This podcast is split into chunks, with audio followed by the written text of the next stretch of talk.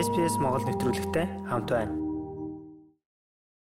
Хурц салдварын шинжтэй коронавирусын цар тахлын энэ үед бидний нийгэмд бие авч явах соёл ч гэсэн өөрчлөгдөж эхэлж байна. Бусдаас зай барьж, дохоо руугаа найтаж, гараа байнга угаах нь нэг төрлийн хэвийн хэм хэмжээ болоод байна.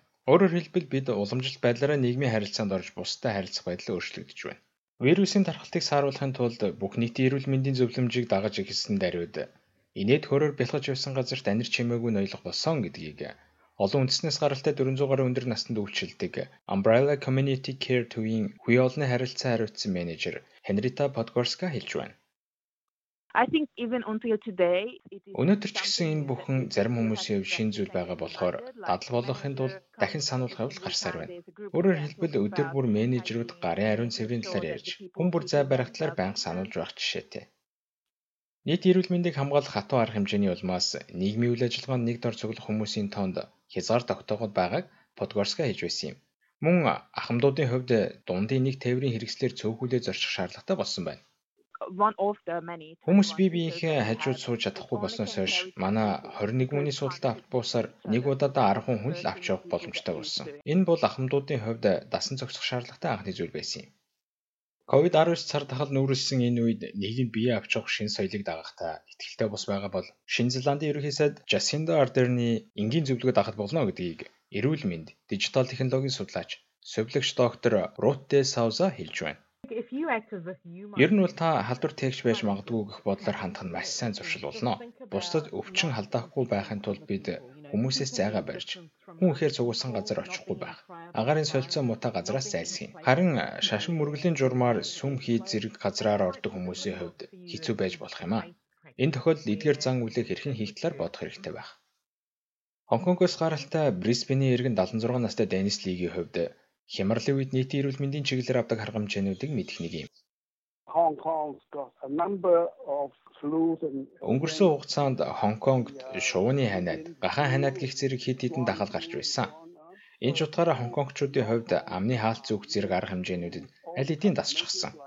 Гэсэн хэдий ч Хонконгт хүн амын нэгтрал маш их болохоор тийм ч үр дүнтэй хамгаалт болно гэж бодохгүй байна. Лигийн хувьд гадуур тогтмол гарч автобусаар янз бүрийн газруудаар аялдаг байв. Гэвч нийгмийн шин соёлыг дагсан ч тэрээр бараг гарч орохоо байсан гин.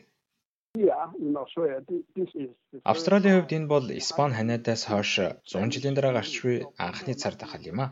Тэгэхээр эндхийн хүмүүс дасаж чадахгүй байна. Зарим хүмүүсийн хувьд нийтээр мөрдөх ёстой шин дүрм журмуудыг хүлээн авалгүйгээр маш хөнгөн байдлаар давж гарахыг хүсэж байна. Ялангуяа залуучуудын хувьд чамд шинж тэмдэг илэрхгүй байгаа ч бусдад халдвар тарааж болзошгүй гэдгийг ойлгох хэрэгтэй. Alone Together бол RMIT Monash Мельбурний их сургууль, Бендиго эмнэлэг болон Австралийн дижитал эрүүл мэндийн агентлагийн хамтарсан доктор Де Саусагийн анхан шатны судалгааны ажил юм. Энэхүү судалгаа нь олон соёлоос гаралтай 65-аас дээш насны ахмадуудад COVID-19 хэрхэн нөлөөж байгааг олдогдох зорилготой. Хүмүүс танихгүй хүнд шаардлага тавихаас маш их айдаг болгон судалгаагаар тогтоогдоод байна. Тэр бүхэл хөршийнхөө үйлдэлч шаардлага тавихаас имэцгэж байна. Сидней хотод амьдардаг нэгэн эмэгтэй танихгүй хүмүүс шаардлага тавьснаар хүчирхийллийн золиос болохгүй гэдгээ сайж байгаагаа хэлсэн юм. Мөн зарим хүмүүсийн хувьд хаач явсан гар ариутгагч биедээ авч явах зэргээр нэмэлт урчлан сэргийлэх хэмжээ авч байгаа болохыг доктор Сүзэн анзаарсан гэнэ. Тэдний хувьд явган хүний нарийнхан замаар хүнтэй зөрөгтэй бусад хүмүүс зам тавьж өгөхийг хүлээхээс илүүтэй өөрсдөө замаас гарч хувийн заагаа барьж байна. Учир нь тэдний хувьд халдвар авах магадлал өндөр эмзэг бүлэгт байгаа гэдгийг ойлгосон учраас өөрийгөө хамгаалах үүднээс иймэрхүү алхмуудыг бусдаас урьдч хийдэг. COVID-19 цар тахлыг хамгийн амжилттай хяналтад оруулсан Австралийн мужуудын нэг нь Баруун Австрали юм. Гэвч олон соёлоос гаралтай ахмадуудын хувьд хязгаарлагдмал эрх чөлөөтэй байгаа бөгөөд нийгэмшгийн тулд хэвийн бус санагдуулах олон зүйлтэй нүр тулдаг гин. Тэдний хувьд гэрээсээ хоолоо авчирч болох ч бусадтай хуваалцаж огт болохгүй. Зарим хүмүүсийн хувьд гайхалтай амттай чили эсвэл жимсний чанамал зэргийг авчирдаг. Гэвч эдгээр нь эргээд асуудлын үндэс болох магадaltaй тул дараа битгий авчраарай гэж бид нар гуйдаг. Хүлээж авахд хамгийн хэцүү нийгмийн шин соёл нь хэн нэгнийг тэрвэрч үнсэж чадахгүй бос явдал гэж Подгорска хэлж байна. Бид бүгдээрээ хэр хол зайд байгаагаас хамаарч дохоогоор эсвэл гараа даллан мижил сурах хэрэгтэй байна. Хэдийгээр хүмүүс хичээж байгаа ч тэрвэрэхгүй, үнсэхгүй гэдгийг байнга сануулсаар байгаа.